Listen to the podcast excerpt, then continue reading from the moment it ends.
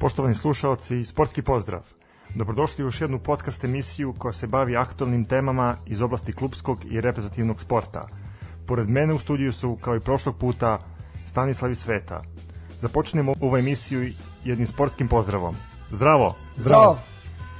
Današnju emisiju započinjemo futbalskim blokom i analizom prošlonedeljnog 21. kola Linglong Super Lige, kao i osvrtom na ovo nedeljno 22. kolo odigrano u vanrednom terminu utorak sreda. Počeli smo u petak, pola tri je bilo, hladno vreme, hladno vreme, počelo se u Topoli, Bačka Topola rad, Topola je napadala, udarala svom snagom, Krstajić je pokušao dođe do druge pobede, međutim rad je izdržao, radu biti bodovi za opstanak.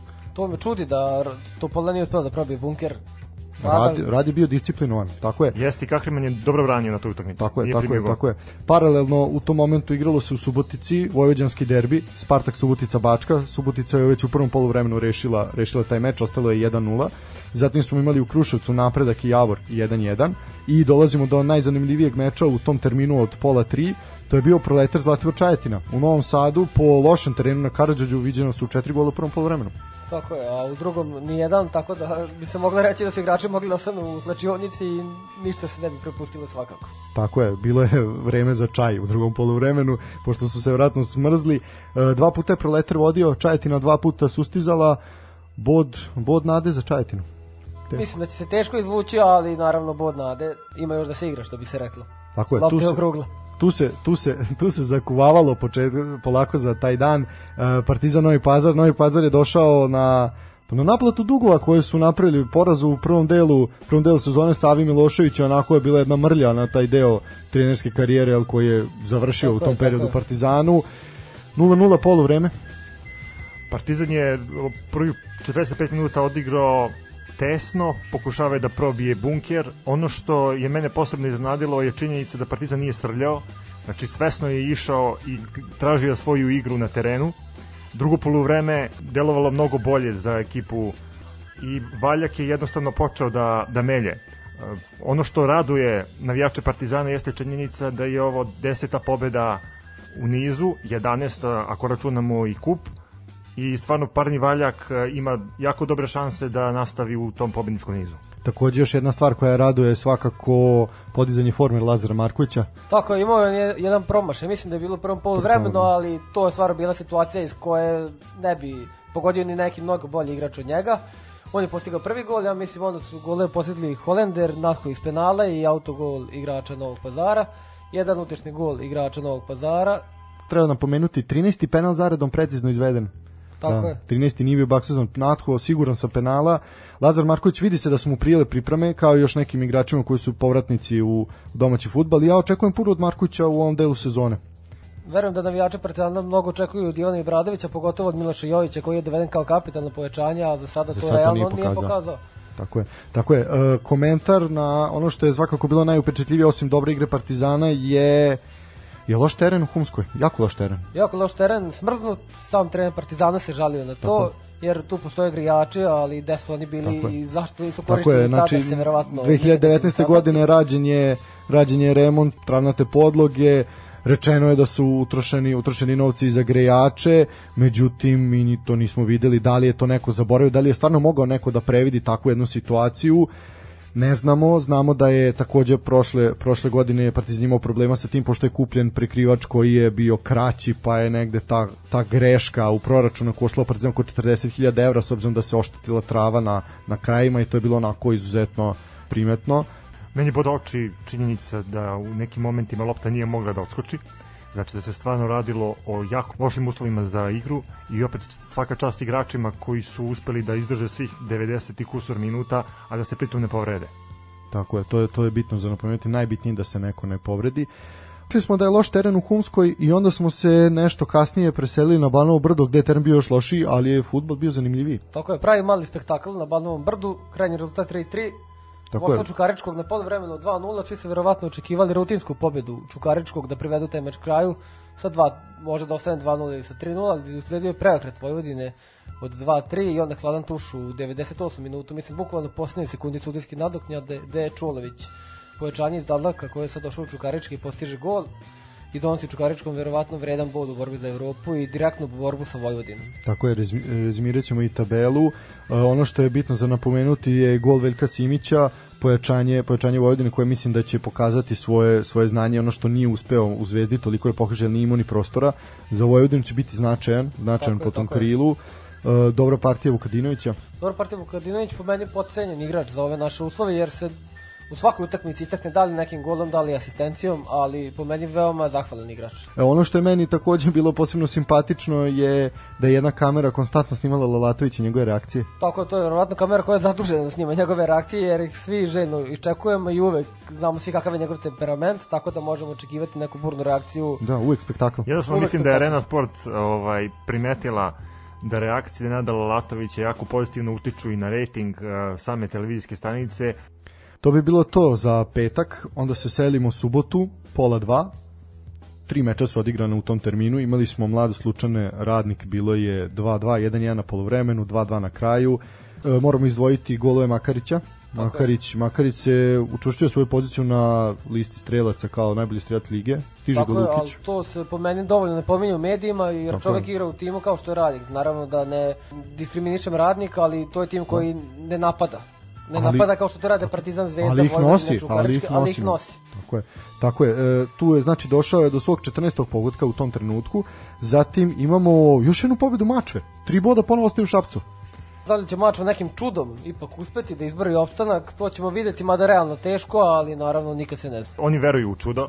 Ovaj, pustili su sa razglasa pesmu iz e, čuvene hit serije Otpisani, Znači da Mačva sebe smatra već odavno otpisanima. A, ali biće povratak. Biće povratak, povratak, da, da, da. Mi se nadamo.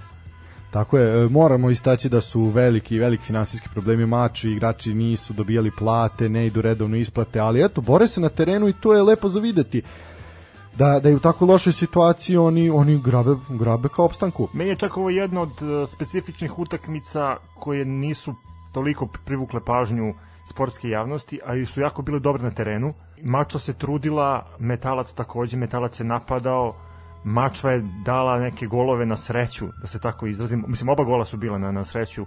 Golman je tu bio blizu ove, da izbaci loptu sa gol linije, ali eto, na kraju tri boda su ostali u šapcu. Tu sreću treba i zaslužiti. Tako, tako je, da... nekad, nekad borbenošću treba i zaslužiti. Dalje, znači, u tom terminu smo isto imali Voždovac i Indiju, 1-1 je bilo na krovu i e, meč koji je zatvorio, zatvorio 21. kolo na zaleđenom e, terenu u Nišu bio je radnički Niš Crvena zvezda. Derbi kola. Derbi Može kola, se nazvati. igra Crvene zvezde je bila dovoljna za pobedu, igrali su onoliko koliko je trebalo. Meč je rešio Ivanić svojim golom i tu je Zvezda stala, nije teo da se umara jer svi znamo da igraju sa Milanom u četvrtak. Da, tako je, Ivanić isto podiže formu. Podiže formu. I raduju njegove dobre igre. Čak se i popeo na listi strelaca, iako nije po poziciji striktno napadač, već taj ofanzivni veznik, tako da... Ja moram da pomenem i Borivoja Ristića koji je stvarno branio izvanredno i imao je tu da kažem jednu grešku pri korneru gde je Zvezda postigla gol. Ono što nas koji smo pratili futbol preko malih ekrana verovatno iznenadilo jeste čarka između Borivoja Ristića i glavnog sudije. Nešto tu ne funkcioniše očigledno ili je uh, Ristić mislio da je bio fauliran tokom postizanja gola Ivanića. Sve u svemu utakmica koja je sa naznakom derbija mogla da nagovesti veći broj golova Međutim, ostali smo samo na tom jednom koji Ivanić postigu u prvom polovremenu, iako je radnički u drugom polovremenu bio držani u napadu, pokušavao da dođe do izjednačenja, međutim na kraju 90 minuta rezultat je ostao 0-1. Da. Ono što je bitno za napomenuti, znači pre samog početka kola pričalo se tamo negde u sredu i četvrtak da će biti moguće čak i odlaganje zbog loših vremenskih uslova i loših terena. Ono što je mislim dobra odluka da se nije odložilo nego da se kolo završilo završilo do kraja jer bi imali problem, jer nas već uh, utorak i sredu smo počeli sa novim kolom, 22. po redu. Mislim da su kolo otvorili Zlatibor i ekipa TSC. Tako je, uh, Rezultat je bio 0-1, strelac je bio Lukić, ali treba napomenuti jedan gol Lukića koji je poništen i taj gol je bio u stilu Franka Lamparda 2010. 2010 na svetskom prvenstvu da. tako je kada je lopta prešla barem metar jeste, jeste, u gol, jeste. da nam čak nije potreban ni var već ona klasična gol tehnologija Tako koja je. bi rešila svaki problem što se tiče barem toga. I stvarno ostaje žalo što ovaj gol nije priznat. Apsolutno, apsolutno se slažem sa tim, ali pričat ćemo i o Varu. Ali I pravda ipak čeka. zadovoljena, Lukić je bio strelac, TSC je pobedio. Da, i to je Tako da- čak nepuni minut posle te situacije je Tako bio je, strelac. tako, je, tako, da pravda ipak ima i Pravda ipak ima, uh, nastavilo se, znači dana, taj drugi meč tog dana je bio Radi Čukarički, uh, 2-0 je pobedio Čukarički na stadionu Kralj Petar prvi, dva gola Đorđeta Ivanovića, povratnika. Tako, tako je, tako je. Igrača koje su mnogi očekivali u Partizanu, jer svi znamo da je prošao njihovu školu i tamo sedi, da kažemo, firmisa kao igrač. Mislim da je iz Partizana otišao u Belgiju u Lokeren, onda je imao neke avanture u Španiji, u Kadizu i u Kartageni i sada je stigao u Čukarički i već je počeo da im se isplaćuje. E, to je bi bilo to je bilo to za za taj deo dana, znači imali smo onda sredu, Javor i Partizan. Zlov Slobodana Uroševića je bio dovoljan Partizanu za novu uzastopnu pobedu. Kako vam se činila igra Partizana? Po Partizanu u prvom poluvremenu izrazito dominirao i veliko je pravo čudo što nije bilo ubedljivija prednost za Partizan. Gor- Golman Javor se stvarno isticao svojim intervencijama, iako je Partizan stvarao i stvarao i stvarao šanse. Takođe golman Stojković je imao jednu rukometnu odbranu 1 na 1 da u prvom Tako kada poluvremenu. je Tanko iz- izašao sam Da. na njega, bukvalno i čovek je, kao što ti kažeš, u rukometnom stilu, rukometnom nogom stilu, da. skrenuo loptu u korner i Apsolutno je pokazao da još uvijek nije za penziju i mislim da, da ga još uvijek čeka. možda odbrana kola sigurno, e sad kola možda sigurno. i do sadašnjeg dela sezone bez preterivanja. Ali isto tako golman Javora je sprečio, sprečio veću razliku. Tako Javor je u drugom poluvremenu čak i napadao i stvarao probleme Partizanu što se nije očekivalo jer su svi očekivali da Partizan da bar još jedan gol i rutinski privede. Da, Javor je nešto pokušavao s boka da, da probije odbranu Partizana. U nekim momentima je to delovalo da može biti obećavajuće, međutim, eto, na kraju rezultat je ostao 0-1 i Partizan je odno tri bod iz Ivanjice. Uh, Indija je opet došla do, do bodova spasa. Da, oni konkurentni koji se boje, bore za opstanak skupljaju bodove. Više nego ovi za Evropu. Tako je, tako je. Ver, verovatno će tu biti veoma zanimljiva borba za opstanak. Iako svi mislimo da su mnogi timovi već otpisani kao što su Mačva, Zlatibor ili Bačka, nikad se ne zna. Uh, Indija je posljedila taj pogodak iz penala, zatim Vojvodina je zabeležila prvu pobedu u prolećnom nastavku protiv Voždovca, bilo je 2-0, opet Vukadinović. Opet Vukadinović, pol vreme 0-0 bilo, verovatno su navijači Vojvodine već tu počeli da strahuju za krajnji rezultat, ali ipak kad pogledam rutinska pobjeda Vojvodine sa dva gola u drugom poluvremenu. Da budem iskren, meni je ovo bio fix kola, čist kec. Čisto, da, morali su konačno pobediti. Uh, zatim, Makarić je ponovo bio strelac, 15. gol, čovjek, čovjek napreduje ka, ka Zlatnoj Kopački Superlige Srbije, ili možda Zlatnoj gumi, pošto je Linglog sponsor. Radnik je, radnik je pobedio sa 2-1 napredak, zatim Novi Pazar, Novi Pazar isto 3 boda. 3-1 protiv napretka. Tako je protiv Radničkog iz Niša koji je verovatno tu došao kao favorit. Mislim da ih je slomio i taj crveni karton koji su dobili, iako su poveli u prvom poluvremenu sa 0-1. Poluvreme je bilo 1-1, Novi Pazar je već tu uspeo da stigne prednost Radničkog. I posle tog crvenog kartona su ih slomili i tri boda se pišu, borba za opstanak se nastavlja. Uh, sle, usledio je jedan južno-bački derbi, Bačka Palanka, Proleter. Proleter sigurno, Sigurno Proletar 0-2. 0-2 rutinski. Rutinski, Čak se rutinski. mogu, ako se poklopi neki rezultati, Proletar bi možda mogao da se uključi u borbu za Evropu. jako teško, ali ali definitivno su zaslužili da budu u gornjoj polovini tabele. Tako. Apsolutno, apsolutno. I kolo, ovo vanredno 22. kolo su zatvorili u Gornjem Milanovcu Metalac i Spartak, bilo je 3:0 za Metalac. Nikola Lazetić radi odličan posao, odličan posao u, uz dva gola Cvetkovića, odličan posao u Metalcu sa dosta mladim igračima, to jako lepo izgleda i na oko i rezultatski. Od Metalca stvaraju jednu, da kažemo, pravu domaćinsku ekipu koja na Apsolutno. svom terenu uglavnom pobeđuje.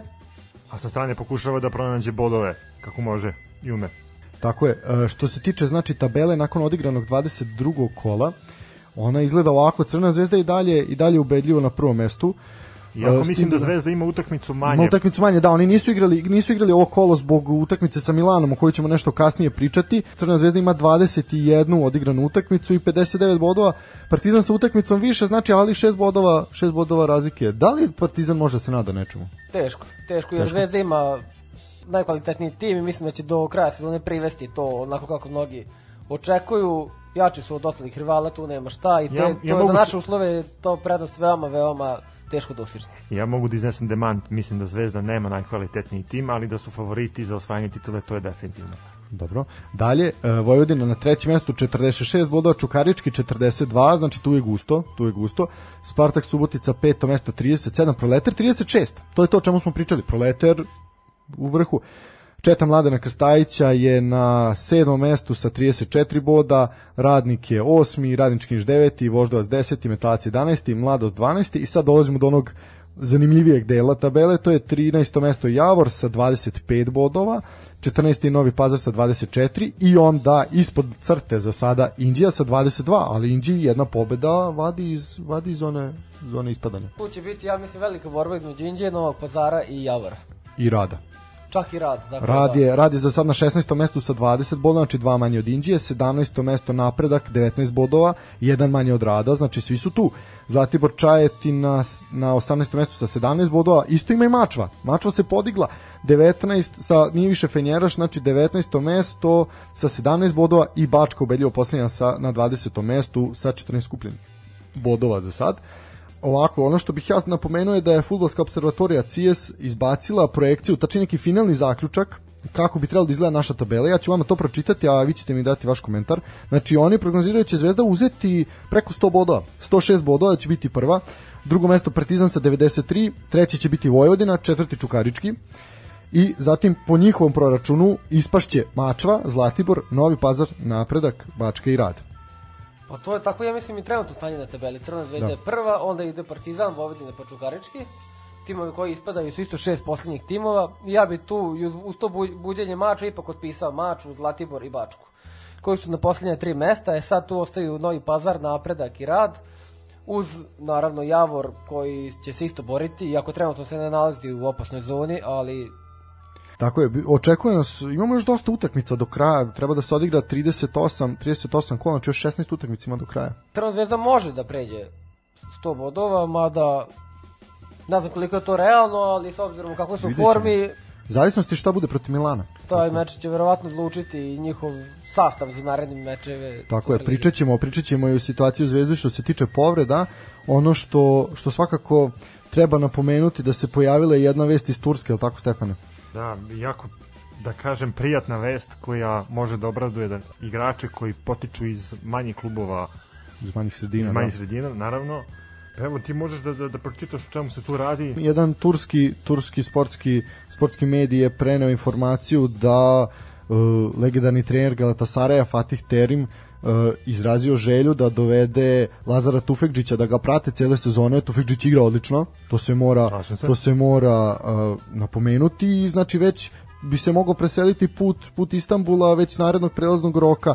On je za sada u Spartaku dao 12 golova i zabeležio 8 asistencija. Ja mislim da će taj saldo se pojačati do, do kraja šampionata. Pritom bio sigurno je član uh, reprezentacije. reprezentacije, da, da, da. I to je ono zapravo, to je bila poenta, poenta tog odlaska reprezentacije na, na turneju po Americi, da se, da se preporuče igrači koji nisu u prvom planu za, za transfere. Meni ovo jako rado je ova situacija, jer imate šansu da Spartak zaradi lep novac od transfera. Verovatno se sad u Crvenoj zvezdi pitaju zašto su pustili Tufekđića da ode, jer je on prošao Da. njihovu omladinsku školu, Da. a sada će verovatno u barem milionskom transferu napustiti Spartak, što je za njihove uslove ozbiljan novac. cena, cena na transfer marketu iznosi milion i 800 hiljada eura, ali ja mislim da će to biti biti manje, biti manje vredan, vredan transfer zbog ove cele situacije sa koronom i ekonomskom situacijom u svetu. Takođe ono što je još zanimljivo, pojavila se vest da bi Suma mogao da napusti Partizan.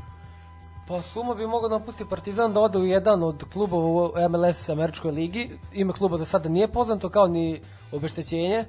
Mada je na transfer marketu, mislim, cena sume oko 3-3,5 Tri miliona, miliona, ako da. ne grešim, ali verovatno će to cifra biti manja nego, nego što je to. Sad da li Partizan treba da pusti sumu ili ne treba, verovatno oni to najbolje znaju, jer Suma je po mom mišljenju najbolji igrač Partizana, iako ne počinje u startnoj postavi, ali uvek donese tu prevagu kada uđe sa klupe ili lucidnošću i driblingom uvek može da M- Mislim, mislim jako da bi... nepredvidiv igrač. Tako je, i mislim, baš zato, baš zato mislim da je MLS dobar izbor za njega. Znači, Suma je već u nekim godinama, nije da ide u, u razvojne lige, poput Holandije, Portugala i tako, nego da ide u MLS prvo da se obezbedi finansijski sa jedne strane, a sa druge strane da sa druge strane, tu je liga poteza, brz, brz futbal se igra, mislim da bi on mogao, mogao da bude zanimljiv. Komentator Arena Sport je dok je prenosio Javor Partizan napomenuo da je neki klub zainteresovan za sumu iz Ukrajine.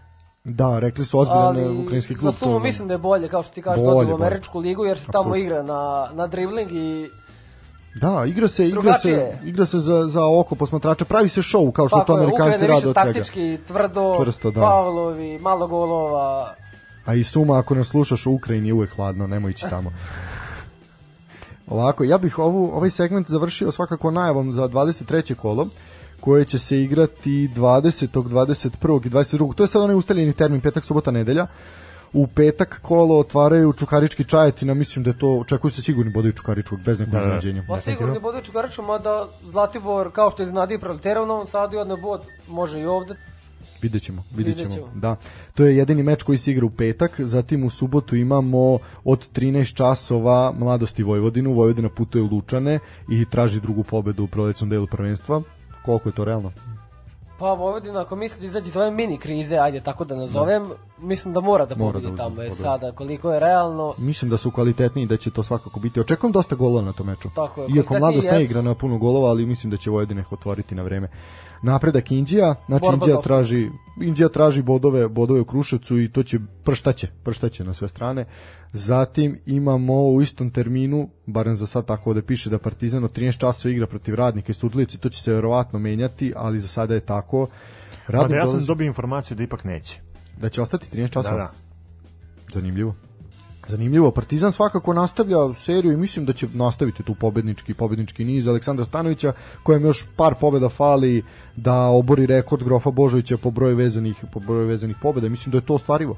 mislim da je danas izjednačio rekord Marka Nikolića. Tako je, Odnosno tako je. učinak Marka Tako je, tako je, Nikolića. tako je, One da. sezone kada je Partizan uzeo duplu krunu. To je 2017. Tako je, Tako je. tako je, tako je, tako je. Znači nakon toga imamo Proleter i Metalac, zanimljiv duel u Novom Sadu, mislim da će bodovi ostati u Novom Sadu. Pa, treba. Trebalo bi da gledamo lep i efikasan fudbal s obzirom da kako igraju jedni i drugi napadački. Obe i ekipe igraju veoma dobro. Da, obe ekipe igraju lepo i mislim da će tu biti eto mla, mali kladioničarski sajt igrite golove na tom meču. Zatim imamo zatvaranje tog dana u Subotici, ako, ako ostane ovakav, ovakav termin, to opet napominjem, Spartak Subotica Crvena zvezda. I to može da bude zanimljiv meč, pogotovo zbog Tufekžića koji će verovatno imati želju da se pokaže pred Da. svog bivšeg kluba i da im pokaže zašto su ga se odrekli. Naravno, ako se ne desi taj transfer koji smo već rekli. Druga stvar, Zvezda dolazi u Suboticu posle utakmice sa posle Milanom. utakmice sa Milanom, da, to, to je svakako tema, tema nedelje za fut, sportsku futbolsku javnost i o tome ćemo pričati. Mislim da će biti Zvezdi teško, teško u Subotici, očekuje se hladno vreme, verovatno teren upitnog kvaliteta, mada je Spartak menjao podlogu i to sad mnogo bolje izgleda nego prethodnih godina, ali vidjet ćemo. Zatim sutradan, znači u nedelju imamo ovako u u 15 časova, pardon, imamo Voždovac i Rad, Javor i Novi Pazar. Šta očekujemo od malog beogradskog derbija? Pa ja mislim da to može biti dosta zanimljiv meč, jer mislim da Voždovac nije u nekoj formi, a Rad se polako diže i budi. I mislim da tu uopšte ne bi bilo iznenađenja ako bi tu kladioničarskim rečnikom došla dvojka. Ja bi isto prednost dao radu u ovom doležu. Da. E, tako je. Vidjet ćemo. Mislim to sad sad to postoji mogućnost. E, vidjet ćemo još uvijek se još uvijek se mislim naša liga je takva kakva jeste pa se još uvijek ne znaju termini termini odigravanja. E, čak postoji mogućnost da se ovi mečevi igraju za ponedeljak. Sad samo u kom vremenu kako Areni Sport bude odgovaralo jer nažalost zavisimo od toga kako kako oni nameste termine sa ostalim prenosima. Javor Novi Pazar, Pazar opet bodovi za spas. Pozdrav opet bodovi za spas i ne bi me čudilo da dođu do tih bodova baš u Ivanjici, jer su, evo, danas su pobedili radnički, tako da me ne bi čudilo da nastave taj niz. E, Mačva, Radnički Niš u Šapcu. Uf, teška, teška utakmica. Teška utakmica, Teška mislim da će utakmica biti teško. i totalno nezahvalna za prognozu.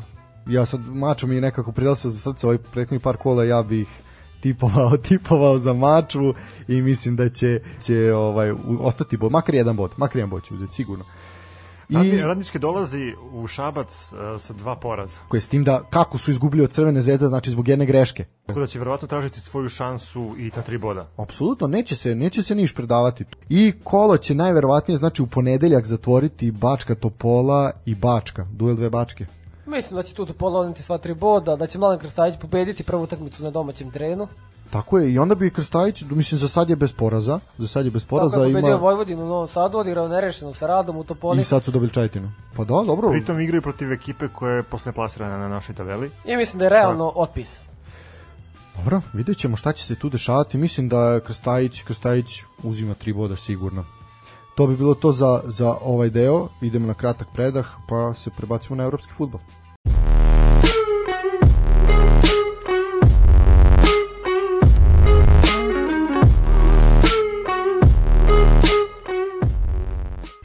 Posle našeg domaćeg futbola prelazimo na temu evropskog futbola. Prvo ćemo pričati o Ligi šampiona, odnosno o dva meča koja su bila odigrana juče. Sastali su se Barcelona i Paris Saint-Germain. Rezultat je bio 1-4 u korist Parižana i sastali su se Leipzig i Liverpool na neutralnom terenu u Budimpešti i rezultat je bio 0-2 u korist Liverpoola. Kako komentarišete ta dva meča? Pa prvo ovako, da li je rezultat 4-1 u korist Paris Saint-Germaina iznenađenje ili ne? S obzirom na situaciju kako se Barcelona nalazi. Pa neupućeni će reći da jeste. Oni koji malo bolje prate stanje u Barceloni znaju da nismo ni u kakvoj formi da je stanje u klubu loše, da je najbolji igrač Messi pred odlaskom, tako da ovaj rezultat uopšte po meni nije iznenađenje. Da, držala se, držala se Barcelona, povela je iz penala 1-0 upravo Messi i onda budućnost futbala, svakako. Show Mbappe. Mbappe. Da, imali smo, da kažemo, sad već pa može se reći prošlost. Mislim da je Messi vreme prošlo. Tako, ima i vin slika na internetu koja kruži budućnost i prošlost gde stoji Messi i gleda Mbappe kako se raduje posle jednog Tako je, jedan, jedan jako lep, lep kadar je, je uhvaćen upravo, upravo u tom momentu. Znači, Paris Saint-Germain 4-1, mislim, Barcelona je znala u svojoj istoriji da stigne, da pobedi 4-0 u revanšu i da prestigne, ali mislim da ovaj put to mislim jako da ovog puta nemaju taj karakter, da kažem, i mentalitet da stignu. Jer više nemaju tu hemiju u ekipi i bit će veoma, veoma teško. I jednostavno izgubili su motivaciju. Vrlo, vrlo moguće, da. Drugi, drugi problemi su trenutno u klubu, a ono što je bitno napomenuti, mislim da i Pochettino je dao svoj trenerski potpis konačno. To je ono što je falilo Paris Saint-Germainu. Tako je, verovatno će ovo krenuti stvari u njegovu korist i to u velikoj meri, jer će se sad dići i samopouzdanje celoj ekipi i samom njemu.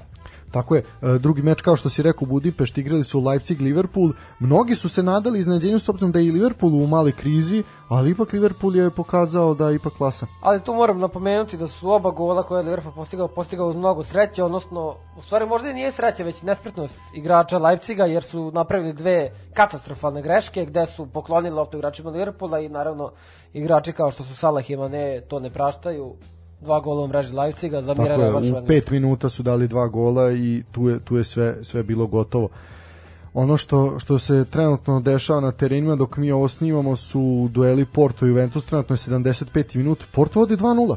Da li je to iznenađenje? Pa po meni jeste, nisam baš očekivao ubedljivu pobedu Juventusa naravno, ali ovde deluje da Porto rutinski odrađuje posao, a ne Juventus kao što su mnogi očekivali. Drugi meč Sevilla, Sevilla Borussia 3-1 je trenutno za Borussiju iz Dortmunda na terenu u Španiji. Mislim da Borussia rešava, rešava prolazak dalje. Po meni je ovo iznenađenje jer Dortmund u Nemačkoj ligi baš ne blista da. i bukvalno u zadnje 3-4 utakmice ne može nikoga da pobedi. Pa su verovatno mnogi očekivali da ovde Sevilla dođe do prednosti pred revanš u Nemačkoj, ali Haaland se pobrinuo da tako ne bude. Dva gola Haalanda u prvom poluvremenu. Dva gola Haalanda u prvom poluvremenu, sad se pročitao podatak da je to njegov 18. gol u samo 13 mečeva u Ligi šampiona i pročitao sam podatak da je dao gol protiv svakog tima protiv koga je igrao u Ligi šampiona, što je fascinantno. Pa još jedna velika velika zvezda evropskog fudbala u nadolaženju uz Mbappe će svakako biti Haaland. Tako je, eto, juče smo videli dominaciju Mbappe, danas gledamo dominaciju Haalanda. Tako je, i mislim da ćemo ih dugo, dugo gledati na terenima, naravno uz uz dugo zdravlje i bez nekih velikih povreda. Svakako to može i da podigne rivalitet između dva igrača.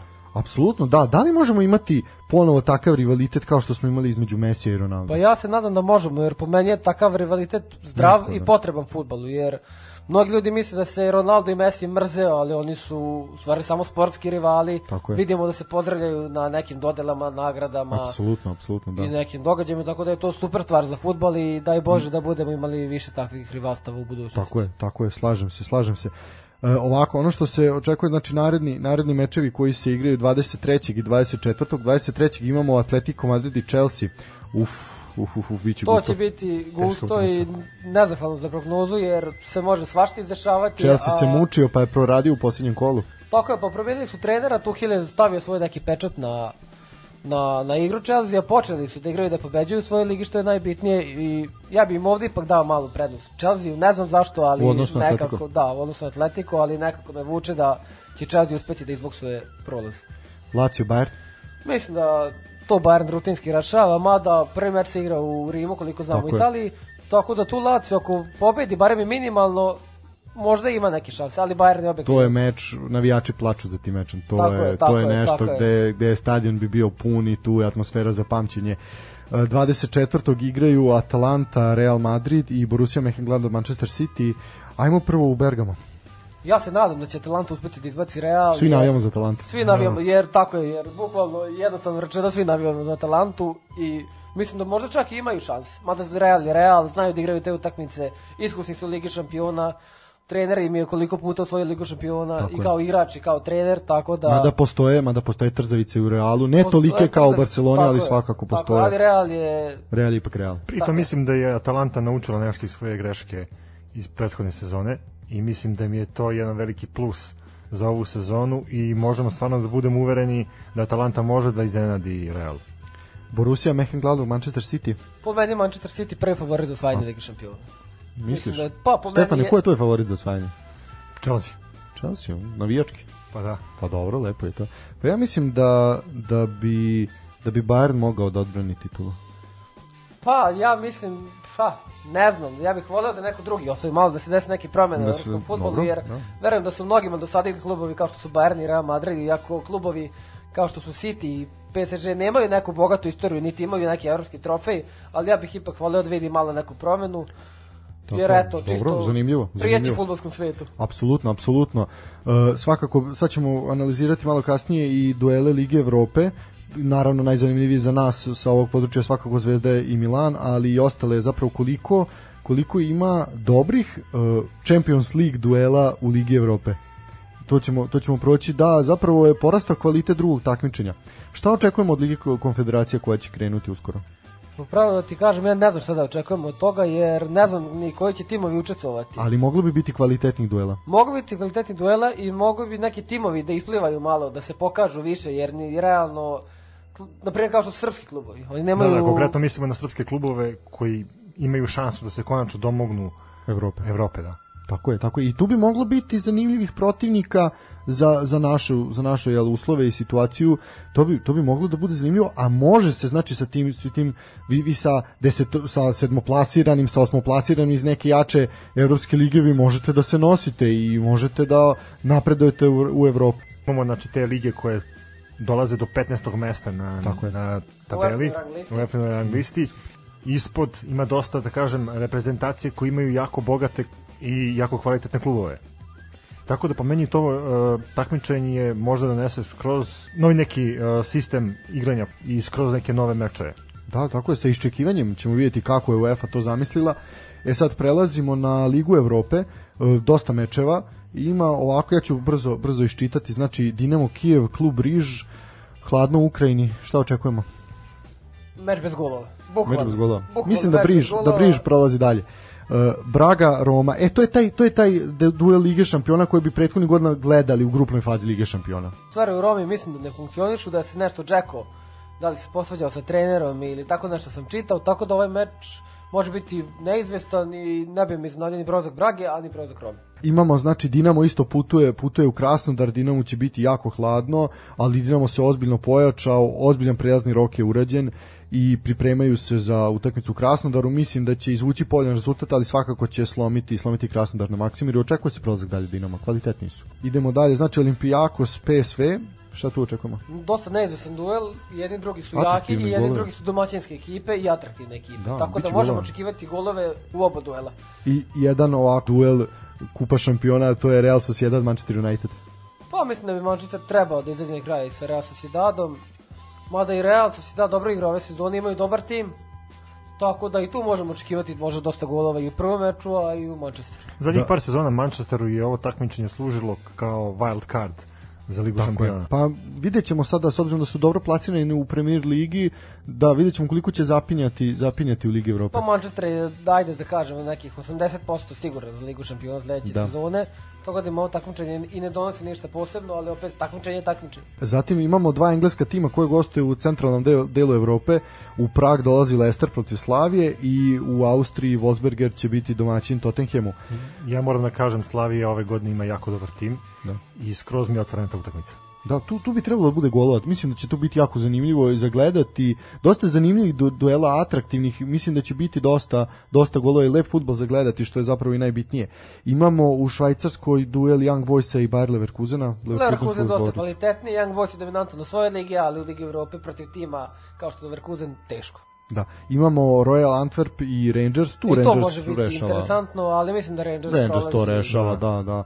S obzirom da sad imaju i solidnu prednost u ligi, znači ne mogu da mogu da se kažem da se biju na dva fronta jer ne zavise ne zavise ovaj Ili toliko jednostavno sve karte da bace na Evropu. Pa da, ali mislim titula je titula je prilično sigurna. Titula je prilično sigurna za za ekipu koju vodi Steven Gerrard što raduje mnoge mnoge širom Evrope. E, još jedan još jedan duel Kupa šampiona Ligi Evrope imamo, to je Benfica i Arsenal. Šta tu očekujemo? Muče se jedni drugi. Muče se jedni drugima da je Arsenal trenutno, u, ja mislim, u formi i počeo da pobeđuje, čak se i približio tu nekom 6. 7. 8. mestu na tabeli, je, da. da, setimo se da je do pre koje kole bio Bio iz čak, zone čak i u ispadanja. Da, ispadanja. čak i, tako je. Benfica nešto ne blista, muče se u Portugalskoj ligi, tako da ovde može biti interesantno, ali mislim da će Arsenal proći Tako da, Benfica, Benfica se isto muči u portugalskoj ligi, to smo rekli, Sporting je tamo ubedljivo prvi i mislim da Sporting može do titule. Ja bih voleo iskreno da ti kažem da Sporting uzme titul. Dobro, imamo Grenadu i Napoli. Sledeći duel i Lille Ajax. Dosta zanimljivi dueli Dosta tu. zanimljivi dueli. Ja bih voleo da prođu Napoli i Ajax, da li će tako biti. Mislim da tu, mislim da tu će biti Lille igra fantastično. Lille je, ja mislim, vodeći tim francuskog prvenstva trenutno. jeste, Lille igra fantastično. Ajax je Ajax, mislim da tu može biti, može biti jako zanimljivo. I Može biti zanimljivo i za gledaoce, a... za kladioničare i za samo ljubitelje fudbala, tako, tako, tako je. je. Tako je, e, sledeći, sledeći meč, mislim da ovde, ovo je možda meč gde imamo, da kažem, apsolutnog favorita, a to je Makabi iz Tel Aviva protiv Šahtjera, znači nema puno takvih mečeva, takvih mečeva u Ligi Evrope, ali eto, jedan se, jedan se potkrao, mislim da Šahter u, Ne, ubedljivo. sad će to biti totalno neinteresantno i da će Šaktor ubedljivo slaviti verovatno i u Izraelu, a onda i u revanšu, tako da koje na Makabiju je da nas razuveri, ali ajde vidjet ćemo. I Molde, Molde Hoffenheim, Salzburg, Villarreal, to su takođe posljednja dva meča. Molde, Hoffenheim, Hoffenheim ne blista u nemačkom prvenstvu, nešto se nije proslavio ni nekom dominacijom u grupi, iako je otišao kao prvi, Da. tako da me, po meni ne bi bilo neko veliko iznenađenje da Molde tu čak i prođe dalje. I imamo na kraju Salzburg i Villarreal. Ja očekujem mnogo od te utakmice. Villarreal igra odlično pod Emerijem i mislim da proći će dalje. Po meni su favoriti, ali Salzburg opasan protivnik. Tako Salzburg uvek igra na gol više, Villarreal je tvrda ekipa, tako da će tu verovatno biti dosta borbe. Ono što je zapravo najzanimljiviji, najzanimljiviji meč za, za našu javnost je svakako duel Zvezde i Milana koji ćemo sada malo detaljnije, detaljnije obraditi.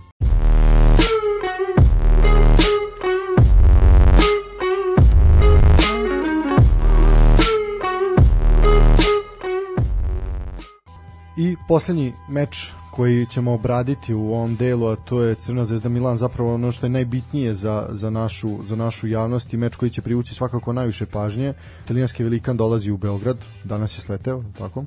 E, ono što je bilo dosta priče, Milan ima, Milan ima problema sa povredama, Zvezda takođe ima, to ćemo se baviti, ali ajde prvo da se pozajmimo gostima.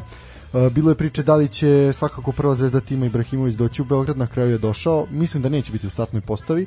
Donnarumma je isto bio upitan, pa se i on pojavio. Videćemo, videćemo ko, je, ko će biti prvi, prvi izbor na, na golu Milana. Ono što svakako treba napomenuti da Milan ima težak raspored u seriji A, Pa treba napomenuti da im u nedelju već sleduje veliki, veliki derbi. veliki milanski derbi sa Interom, koji može odlučiti jednim delom šampiona Italije, tako da je pitanje da li će se više posvetiti ovom meču ili tom meču u nedelju. I u kom će sastavu izaći na teren? svakako ostaje, ostaje nepoznanica, mislim da, da se to pitanje da li će se to i sutra znati do samog početka meča, pošto postoje, postoje razne opcije. Ono što je, mislim, najsigurnije to je da će Mandžukić predvoditi napad. Tako je, verovatno će tandem Hrvatske iz finala svetskog prvenstva Mandžukić i Rebić predvoditi napad. Verovatno će Čalhanoglu biti na sredini. Nova Ilija koji je došao na pozornicu i Chelsea, Tomorić će verovatno biti štoper. Beković će se isto promeniti jer verujem da Teo Hernandez neće igrati jer je stvarno čovek izneo veoma veliki teret i prepostavljam da će na golu biti Tatarušanu, mada i moguće da to bude Donnarumma. Tako je. Tako je, ovaj, vidjet ćemo, biće, biće svakako zanimljivo što se tiče Zvezde. Zvezda takođe ima problema sa povredama. Kataj je odsutan, Kataj je, ja mislim, sigurno odsutan. Veljko Nikolić je Upitan. Pod, uh, upitan, ali mislim da sutra neće igrati i da se sprema za revanš. Povreda Kataja je veliki minus za zvezdu. koja, Ja ali mislim, mislim, da je će... on, mislim da je on čovjek koji može da reši utakmicu. Pa može, da, ali mislim da se tu će se dosta očekivati zapravo od Ivanića i od Bena, jel? Oni će treba, oni bi trebali to da to da nadomeste njegov gubitak, njegov nedostatak, da, pardon. E sad ono što je isto isto bitno za reći, Falcinelli se oporavio, pa bi neka projekcija za Zvezdinu ekipu je ovako, Borja na golu, ako drugi, pa onda Pankov, Milunović, Degenek, znači to je ta prvi, prvi, prva štoperska linija, Eraković se mladi povredio, slomio metatarzalnu kost i ne, neće ga biti jedno duže Tako vreme duža pauza ga čeka. duža sigurno. pauza ga čeka. Zatim Rodić na beku i Gajić sa druge strane. Mislim da da je to bolja bolja opcija u Odbeljiću u ovom, ovom momentu treba da ostane na klupi. Treba, jer igrači Milana su ipak prevelik zalogaj za njega. I, i zapravo Rodić će biti na ozbiljnom testu i vidjet ćemo zapravo koliko on može i koliko je kvalitetan igrač i ovo mu je prilika da se preporuči i skautima. Mnogo će se očekivati od, od tandema Kanga i Sanogo. Tu će se mnogo biti pod velikim pritiskom, jer svi znamo da je igrač koji često dobija žute kartone i mnogo. veliki problem će biti ako dobije prvo po vremenu žuti karton. Da, zapravo bi Milani mogao ići na to da, da Sanogo se optereti kartonima, a mislim da je to veliki problem ako u prvih, prvih 20 minuta dobije On je karton. dobijao dosta žutih kartona i u našoj ligi, Da, kada da, igra protiv objektivno je slabih rivala, a sada kao što igra protiv igrača kao što su Čohanoglu i ostali, bit će Da, Baš teško. Da. I ono što je, da, da kažemo, taj ofazivni deo ekipe, trojka u napadu će biti Ivanić, Ben i Falcinelli. Verovatno se tu možda u ovom momentu čak najviše očekuje od Ivanića. Da, da. To koji prošle godine je bilo bukvalno nezamislivo, ali Ivanić ovaj, u ovom trenutku u velikoj formi i verovatno navijači Zvezde, a i sam Dejan Stanković verovatno najviše očekuju od momka iz Bačkog Jarka. Falko će verovatno biti na klupi, kažu da nije spreman. Na Nije čet... spravan, nije ni taktički, a verovatno ni fizički, ali verovatno poslednjih pola sata, možda i jače, na, izden, na faktor iznenađenja, može svašta da bude. Da, eto, najzvučnije pojačanje svakako Crvene zvezde u ovom prelaznom roku, uz njega i Bakayoko, ali obojica neće, neće verovatno videti. Tako je, pa realno je da nisu još spremni i ovo je već uigra sastav Zvezde i realno je očekivati Bena Ivanića i Falcinellija u špicu. Dobro, Stefane, kaži nam, šta nam kaže istorija ova dva duela? Pa ništa, mediji u Srbiji su zadnjih par dana mahom bavili čuvenom utakmicom iz 1988. godine između Zvezde i Milana, gde je Milan prošao na penale posle čuvenog odlaganja ovaj druge utakmice u Beogradu. A, Na penale je prošao rezultatom a, 4-2 i na kraju je ovaj uzeo kup evropskih šampiona. A, Ono što moram da vam napomenem, što je meni jako bitan podatak, jeste činjenica da Milan Borjan igra svoju 51. utakmicu zvanično za Crvenu zvezdu u okvirima UEFA takmičenja, čime dolazi na broj uh, odigranih utakmica gde se nalaze Vladimir Petrović Pižon i Jovan Kula Ćimović. Da, dobro, zanimljivo.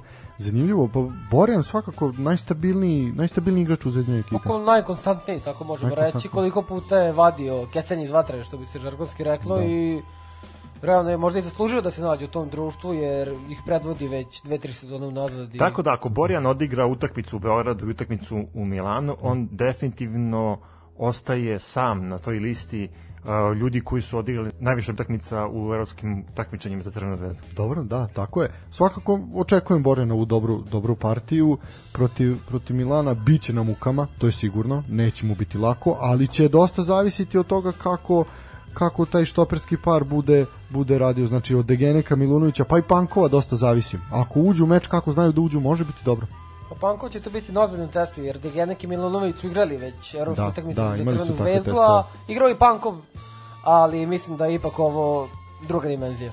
ono svakako što vredno pomenuti taj drugi meč između Zvezde i Milana 2006. godine tada je Milan izašao u jednoj, jednoj ozbiljnoj, ozbiljnom sastavu znači sa Didom na golu, Cafu pa imali smo Sedorfa, mlado Kaku, to je, to je onako jedna ozbiljna Gilardina koji je u tom momentu bio fantastičan. Znači jedan, jedan ozbiljan, ozbiljan tim koji je kasnije bio prvak Evrope, a svakako sećamo se pobjeda bila 2-1 2-1 u Beogradu i 1-0 1-0 u Milanu, u tom meču Zvezda nije bila toliko blizu prolaza kao, kao u ovom prethodnom. Vidjet ćemo ovo očekivanje, rezultat. Očekivanja za meč u Beogradu tvrdo. Mislim da će Zvezda ići na to da ne primi gol i dode tamo sa 0-0, pa tamo, bukvalno rečeno šta im Bog da.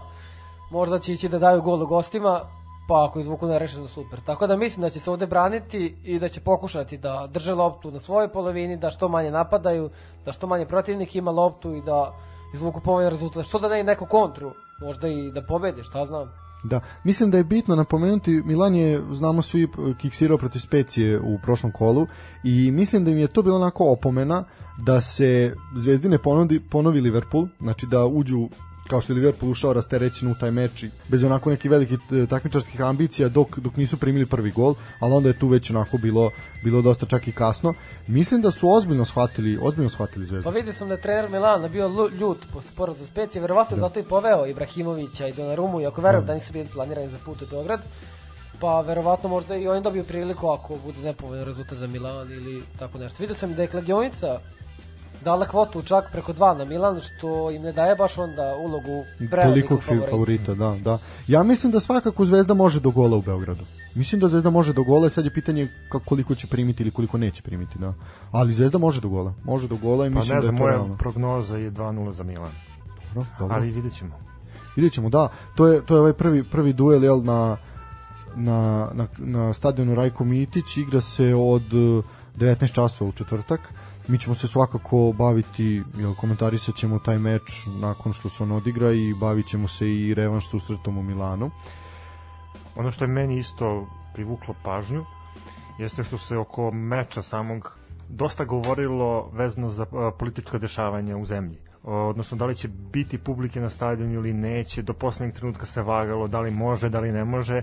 Na kraju je krizni štab na čelu sa predsednikom države ipak odlučio da e, navijače ne bude. Ne bude, da. Tako je, tako. znamo zašto se Zvezda toliko borila za navijače, jer makar i za tih 5, 10 do 15 hiljada koliko je bilo uopšte. Tako je da 30% kapaciteta to je bila poslednja priča da će to je bio zahtev da tako kažemo znači u, u dva navrata se dešavalo prvo je na prvoj sednici kriznog štaba uopšte nije bilo ni razmatrano, marem su tako doktori rekli. Zatim je poslato to pismo gde se zahteva da se dopusti. To zapravo što je u EFIN propis je 30% od kapaciteta. Međutim, ipak, ipak su doktori, doktori prevagnuli. Predsednik je rekao da će podržati svaku odluku kriznog štaba i to je i uradio i to na tome svaka čast. Tako da i ostajemo bez navijača, ali mislim da je velika šteta što nema navijača. Pa velika šteta, mislim da bi tu mislim, generalno, a i za ovaj meč. bi verovatno imali dodatan motiv da, da igraju, mada ga imaju verovatno i ovako jer se ne igra svaki dan protiv Milana. Istina, istina, ono, ono što ostaje, ostaje kao da se priča pokolenjima kao bitan trenutak u karijeri. Ne dobija svaku šansu da igra protiv Milana. Tako je. Tu se slažem s vama, ne dobija svaku šansu da igra protiv Milana, ali opet uh, ostaje taj žal za, za navijačima, jer znamo da navijači Zvezde stvarno pružaju ogromnu podršku i daju vetar da, u leđa da, da, svom timu. To, tako je, tako je. Ono što je bitno za napomenuti, prvi put ćemo u Srbiji imati VAR u klubskom futbalu. Znači, na meču Zvezde i Milana će biti VAR soba aktivna. Ono što se svakako zna da je Grk ovaj, ja ću sad pročitati njegovo ime, a ti ćeš mi to reći da li taj čovjek stvaran ili ne. Njegovo ime je Tasos Sidropoulos Da li misliš da neko stvarno postoji pod takvim imenom? Da, da postoji i da su baš njega odabrali da, da on ajde da kažem, deli pravdu na ovom da. meču u toj var sobi. Da, pitanje da li je rodom sa Halkidiki ili sa Tasosa. Pa da, sa Tasosa, sigurno. da, sigurno, da. Vidjet ćemo čije, čije ovaj, Tasos Sidropoulos navijač. Ako je navijač Olimpijakosa, mislim da Zvezda nema čega puno da se brine. E, ono što je zapravo privuklo pažnju je to znači da će se u var sobi naći jedan e, sudija koji više ne sudni elitni, e, elitni rang takmičenja i to je dosta zanimljivo Znači, svakako se sećamo Bibiane Steinhaus, onaj ko prati nemački futbol, njemu je to ime poznato. Ona je sudila, sudila Bundesligu, i, ali trenutno ne sudi, ne sudi Bundesligu. Sudila, poslije meč koje je sudila je Bayern Dortmund prošle godine i od tada ne sudi, ne sudi, ne sudi više Bundesligu. Ona će biti ona će biti ovaj zadužena za var sobu, inače po profesiji policijski inspektor. Interesantno. Interesantno, da, vidjet ćemo da li će biti mesta zločina Rajko Mitiću. Nadamo se da neće. Ili će biti hapšenja u, u liniji offside. vidjet ćemo, vidjet ćemo. Interesantna ekipa u Varsobi svakako. Svakako, da, Raka Đurović je dao komentar da je iznenađen, iznenađen time i onako, ali mislim da je to da će to sve biti u redu, da Varsaba neće zapravo imati taj neki presudan uticaj, bar se toga nadam. Mislim da je dosta dosta smo ove sezone imali, a i prethodne pričalo se o Varu više iz negativnih iz negativnih aspekta nego iz pozitivnih, ali videćemo. Mislim da će biti zanimljiv duel i svakako ćemo ga pratiti. Pa ćemo dalje komentarisati.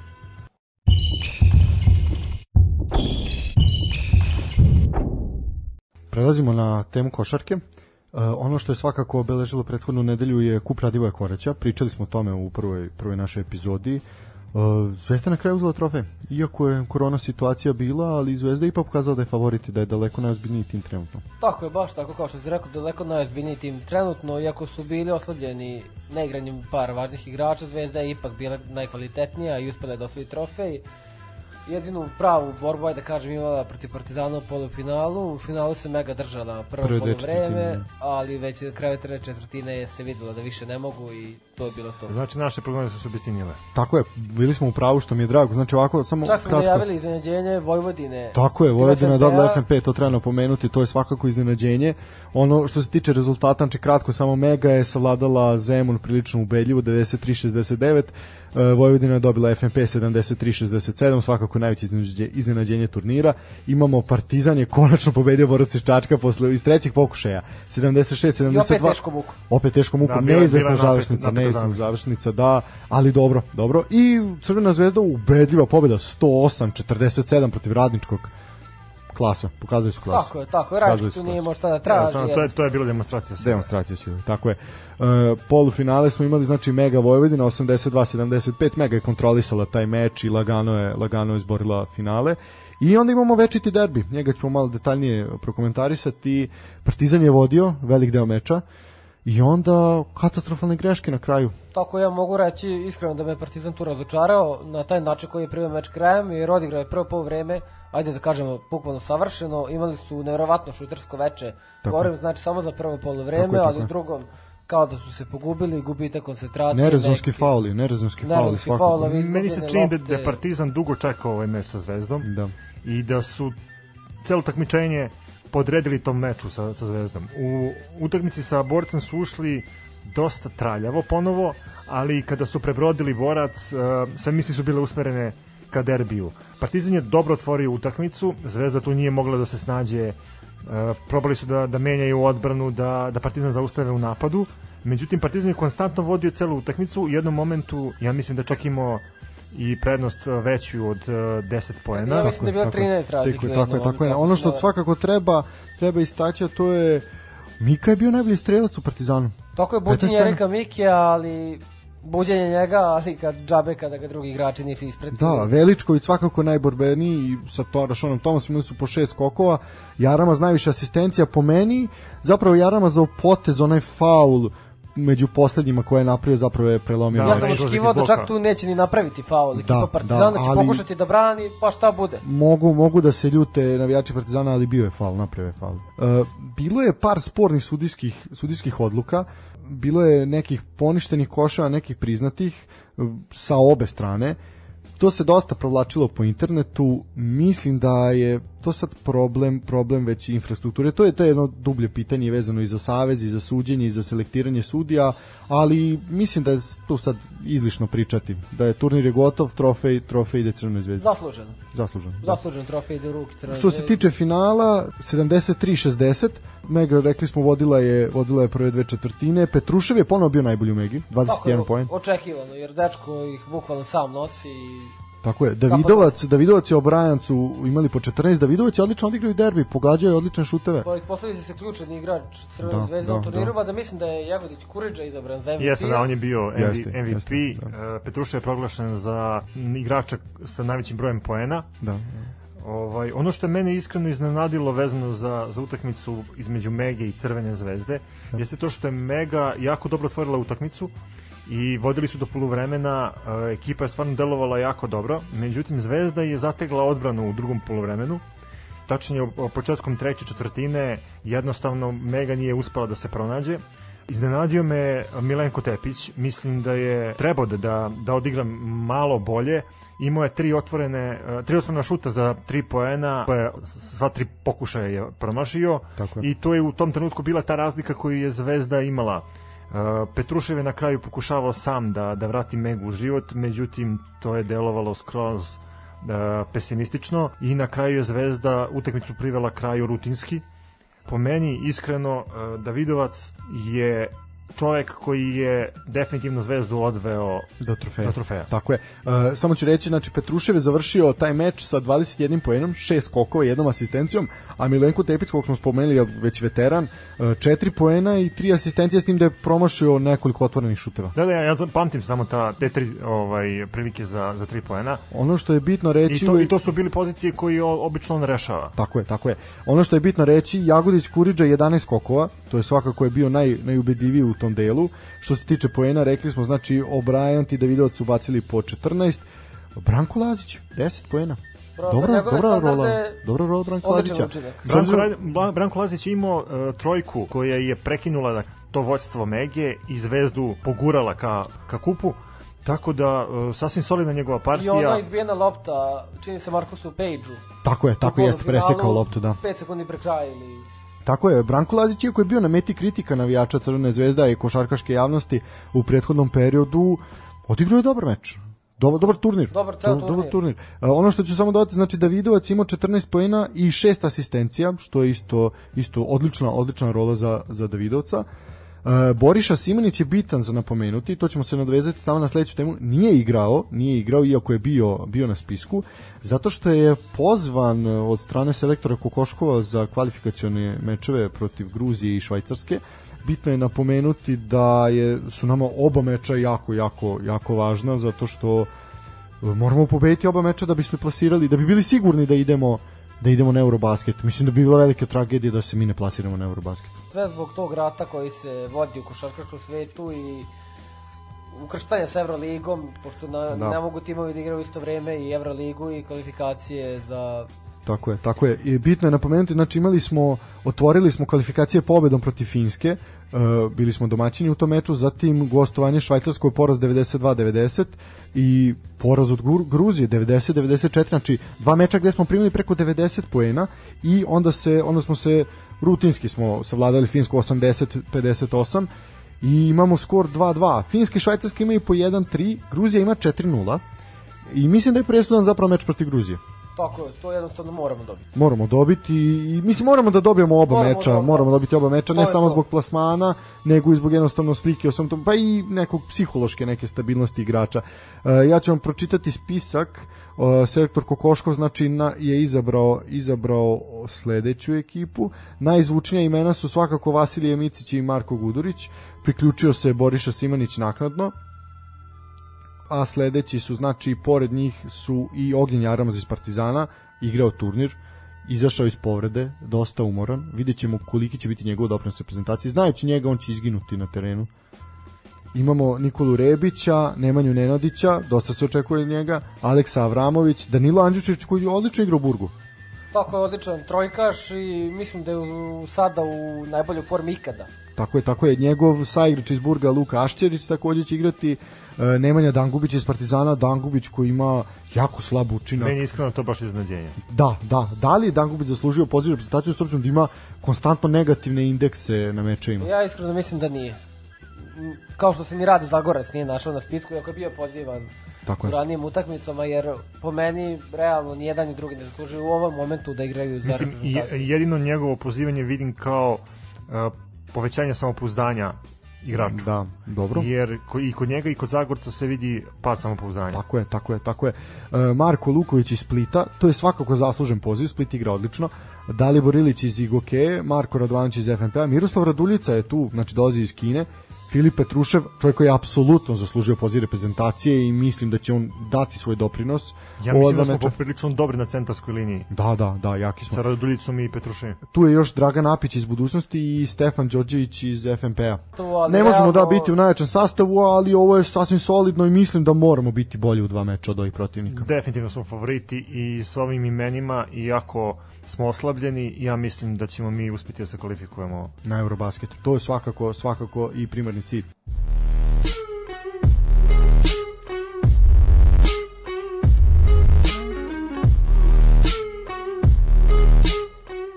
Došli smo do kraja ovog opsešnog pregleda. Od Super Lige do Evrope, koraća i Eurobasketa. Hvala na pažnji, do skorog slušanja, sportski pozdrav!